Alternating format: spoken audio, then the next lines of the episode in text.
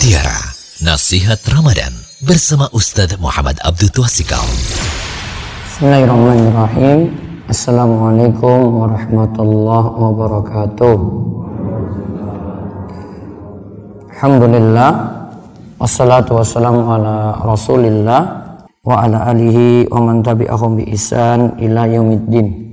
Allahumma inna nas'aluka ilman nafi'a wa rizqan thayyiba wa amalan mutakabbala. Puji syukur kita panjatkan pada Allah. Salawat dan salam semoga tercurah pada Nabi besar Nabi Agung Nabi kita Muhammad sallallahu alaihi wasallam. Baik uh, para jamaah sekalian, sekarang kita masuk pembahasan menjaga anggota badan dari maksiat ketika puasa.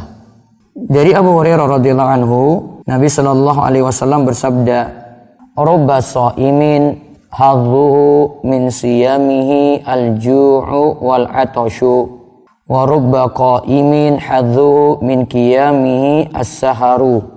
Betapa banyak orang yang berpuasa hanya mendapatkan rasa lapar dan dahaga saja. Lapar haus saja. Dan betapa banyak pula yang melakukan sholat malam hanya jadinya begadang saja di malam hari. Tidak mendapatkan apa-apa. Hadis riwayat Ahmad dan hadisnya sanadnya jayid kata Syekh Suaib al-Arnaud. Para ulama juga katakan ahwanus siyam tarkus syarabi wa ta'ami. Puasa yang levelnya paling rendah itu puasa yang sifatnya menahan lapar dan haus saja. Dia meninggalkan makan dan minum saja. Itu puasa yang paling rendah. Ahwanus siyam. Level yang paling rendah.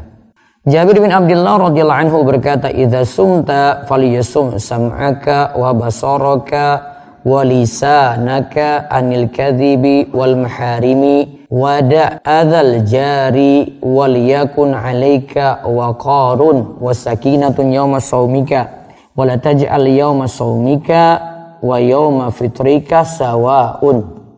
Jika engkau puasa, maka ikutlah juga berpuasa, ikut pula menahan diri, pendengaranmu, penglihatanmu, lisanmu atau omonganmu, itu dijaga dari dusta dan dari hal-hal yang haram. Dan jangan sampai menyakiti tetangga, hendaklah bersikap lemah lembut, bersikap tenang ketika hari berpuasa, dan jangan jadikan hari puasamu sama seperti hari tidak puasa. Jangan jadikan hari puasamu seperti hari tidak puasa, yaitu seperti hari-hari biasa. Harus ada yang beda. Sini suruh jaga pendengaran, jauhi mendengar yang sia-sia, mendengar Al-Quran tentu lebih baik daripada mendengar lagu, mendengar musik. Ah, jaga pandangan dari lihat yang bukan mahram, wanita-wanita apalagi yang telanjang, Jaga omongan juga jangan gibain orang, rasani orang, fitnah orang. Kalau di sini contohkan dusta dan hal haram yang lainnya sampai jangan sampai nyakiti tetangga. Intinya di bulan Ramadan saat puasa harus lebih berbeda dari hari-hari yang lainnya. Ibnu Rajab Al-Hambali rahimahullah berkata, mendekatkan diri kepada Allah dengan meninggalkan perkara yang asalnya mubah. Ya, kita akan makan sebenarnya boleh, minum boleh, tapi kita tinggalkan saat puasa itu tidaklah sempurna sampai kita itu meninggalkan yang haram, meninggalkan maksiat. Barang siapa yang melakukan yang haram disertai mendekatkan diri pada Allah saat puasa dengan meninggalkan yang mubah juga situ. Maka ini sama halnya dengan seorang itu meninggalkan yang wajib tapi beralih mengerjakan yang sunnah. Walaupun puasa orang yang bermaksiat tetap dianggap sah. Ada yang ngapusi puasanya sah. Karena tidak ada kaitannya langsung dengan puasa. Ada yang lihat gambar telanjang puasanya sah ada yang dengar lagu-lagu, dengar musik, puasanya sah. Namun pahala nih jadi berkurang karena melakukan pelanggaran atau maksiat saat berpuasa. Nah, tetap dianggap sah dan tidak diperintahkan untuk mengkodok. Alasannya karena amalan itu batal jika lakukan pembatal khusus dan tidaklah batal jika melakukan perbuatan yang dilarang tapi bukan merupakan pembatal khusus. Ibnu Hajar rahimahullah mengatakan menjauhi berbagai hal yang dapat membatalkan puasa hukumnya wajib. Sedangkan hal selain itu yang tergolong maksiat termasuk penyempurna puasa. Kalau mau puasa kita sempurna, disuruh jauhi maksiat. Mula Ali Al-Qari berkata, ketahuilah saat berpuasa begitu keras larangan untuk bermaksiat. Orang yang berpuasa tetapi melakukan maksiat sama halnya dengan orang yang berhaji lalu maksiat.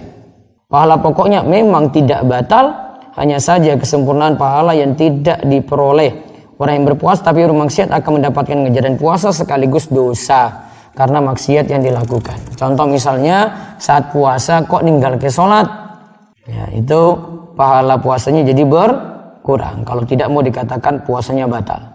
Dalam Al-Quran, setelah Allah melarang dari makan dan minum di siang hari puasa, disebutkan pula keharaman memakan harta orang lain tanpa lewat jalan yang benar. Padahal makan harta orang lain dengan jalan keliru adalah terlarang di setiap waktu. Sedangkan larangan untuk makan dan minum hanyalah saat puasa. Ini adalah isyarat bahwa siapa mendekatkan diri pada Allah dengan menjauhi makan dan minum, maka ia juga diharuskan untuk menjauhi memakan harta orang lain dengan cara yang batil. Namun, makan harta seperti itu berlaku setiap waktu, bukan ketika Ramadan saja atau waktu tertentu saja. Syekh Abdul bin Bas berkata, puasa yang telah Allah syariatkan adalah jalan yang dijadikan bagi kita untuk belajar menjaga anggota badan dari perkara-perkara yang Allah haramkan dan nakal anggota tubuh ini digunakan hanya pada jalan ketaatan. Juga semoga hal ini semakin mengingatkan pada nikmat Allah. Wallahu alam bisawab. Semoga jadi ilmu yang manfaat dan Allah mudahkan kita mendapatkan pahala yang sempurna dalam puasa dan dimudahkan untuk jauhi segala macam maksiat saat kita berpuasa. Demikian kita cukupkan. Kita tutup kalian doa kafaratul majelis. Monggo. Subhanakallahumma bihamdika. Asyhadu an la ilaha illa anta astaghfiruka wa atubu ilaik. Assalamualaikum warahmatullahi wabarakatuh. Demikian mutiara nasihat Ramadan bersama Ustaz Muhammad Abdul Tuasikal.